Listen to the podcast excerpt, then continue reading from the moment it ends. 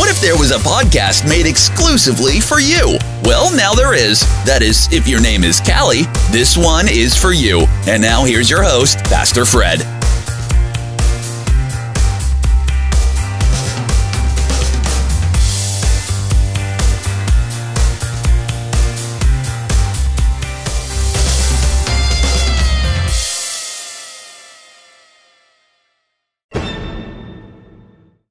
Alfred DaCosta, your host of the L4H podcast. What are you living for today? So, that intro is always what I put at the front of every podcast that I do. And it's really a rhetorical question, but sometimes people will call into the station and actually answer it. So, you're welcome to.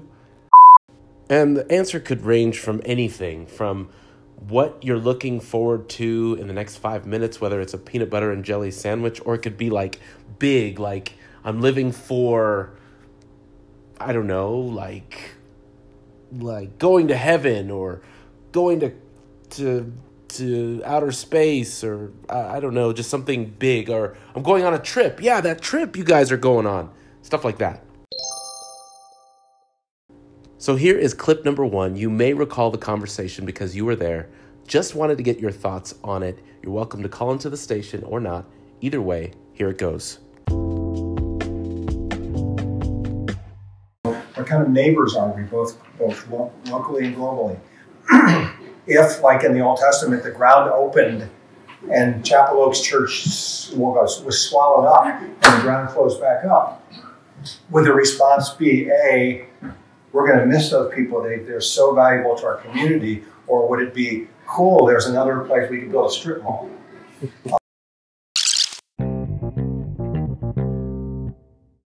So yeah, what did you think about that meeting? Did you feel inspired, motivated, or kind of like meh?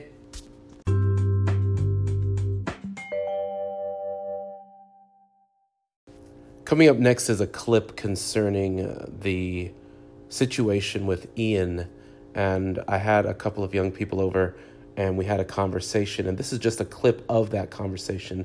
I put it in here because it's the same question I want to ask you and Christopher, and I wanted to put together a podcast concerning this situation. But check it out. So I, I just want to ask you guys, in light of what just happened recently with Ian, I told you guys about that and how hard that how hard it is um, for the family. Um, um, I've I was there with Christopher. Callie has been kind of talking to everyone on Instagram and asking for prayer. You've got people that are coming together to pray for this guy that he would be delivered. And so the question is is when some when something like this happens, someone that is an innocent person, someone that had his whole life ahead of him. I mean, he's like you guys' age. He's like around your age and like now all of a sudden it, he didn't wasn't his fault. He falls out of a jeep and he's dead. Like, what do you? How do you answer that when bad things happen to good people? Oh, well, like we were saying before when we were talking about this, uh, when we say God allows these things to happen, we have to be careful about what we mean by that. Because when we say God allows these things to happen, people automatically think, oh, wait, so you're telling me that this quote unquote loving God mm-hmm. is allowing this death and destruction to come around these people who are supposedly good, who are supposedly follow his laws, supposedly follow the rules, all these different things, go to church on Saturday, uh, give their tithe, all these good things, and yet he's taken away. Are you telling me that this unquote is a loving God? And I'm telling you,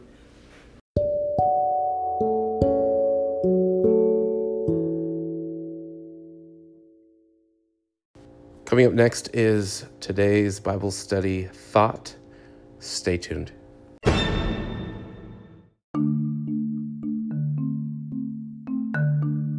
When God created the earth, everything was perfect.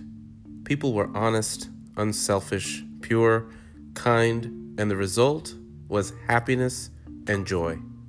They experienced a consistent connection with God, and the rest of creation showed no signs of upheaval, distress, decay, and decimation we see today. So the question is why the change? The core problem started when people departed from God's ideal for them. Adam and Eve made that fateful decision, and the results speak for themselves deterioration and destruction piling up until eventually death swallows life. You can see it in people, you can see it in animals, and even in plants. You can see it in all of creation. Talk about dire consequences. God told Adam, Because of what you have done, the ground will be under a curse. You'll have to work hard all of your life to make it produce enough food for you. It will produce weeds and thorns, and you will have to eat wild plants. Anyone who has planted even the simplest of gardens has to fight against this result. Yet, even with this terrible change of God's plan for a perfect world, His love finds ways to express itself. Yes, the world became a mess, but God invites us to help make something good out of something bad. What an opportunity! We can't make everything different, but we can make a difference. God's love invites us to get involved. In this way, we begin to see that we aren't God, but we can connect with God by joining what He is doing. The natural world illustrates how bad things are. You look at hurricanes, fires, droughts, floods devastate the land. We often seem powerless against destructive natural forces. We brace for them and plan what we'll do if they should strike us. But we still seem to be at the very mercy of the natural world. Yet every opening bud, every sunset, every tree of the forest, and every fresh snowfall continues to say that God is love.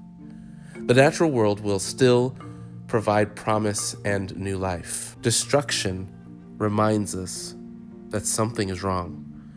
But the good things of nature show that God is still present. His love for us continues as surely as the rivers continue to empty into the sea.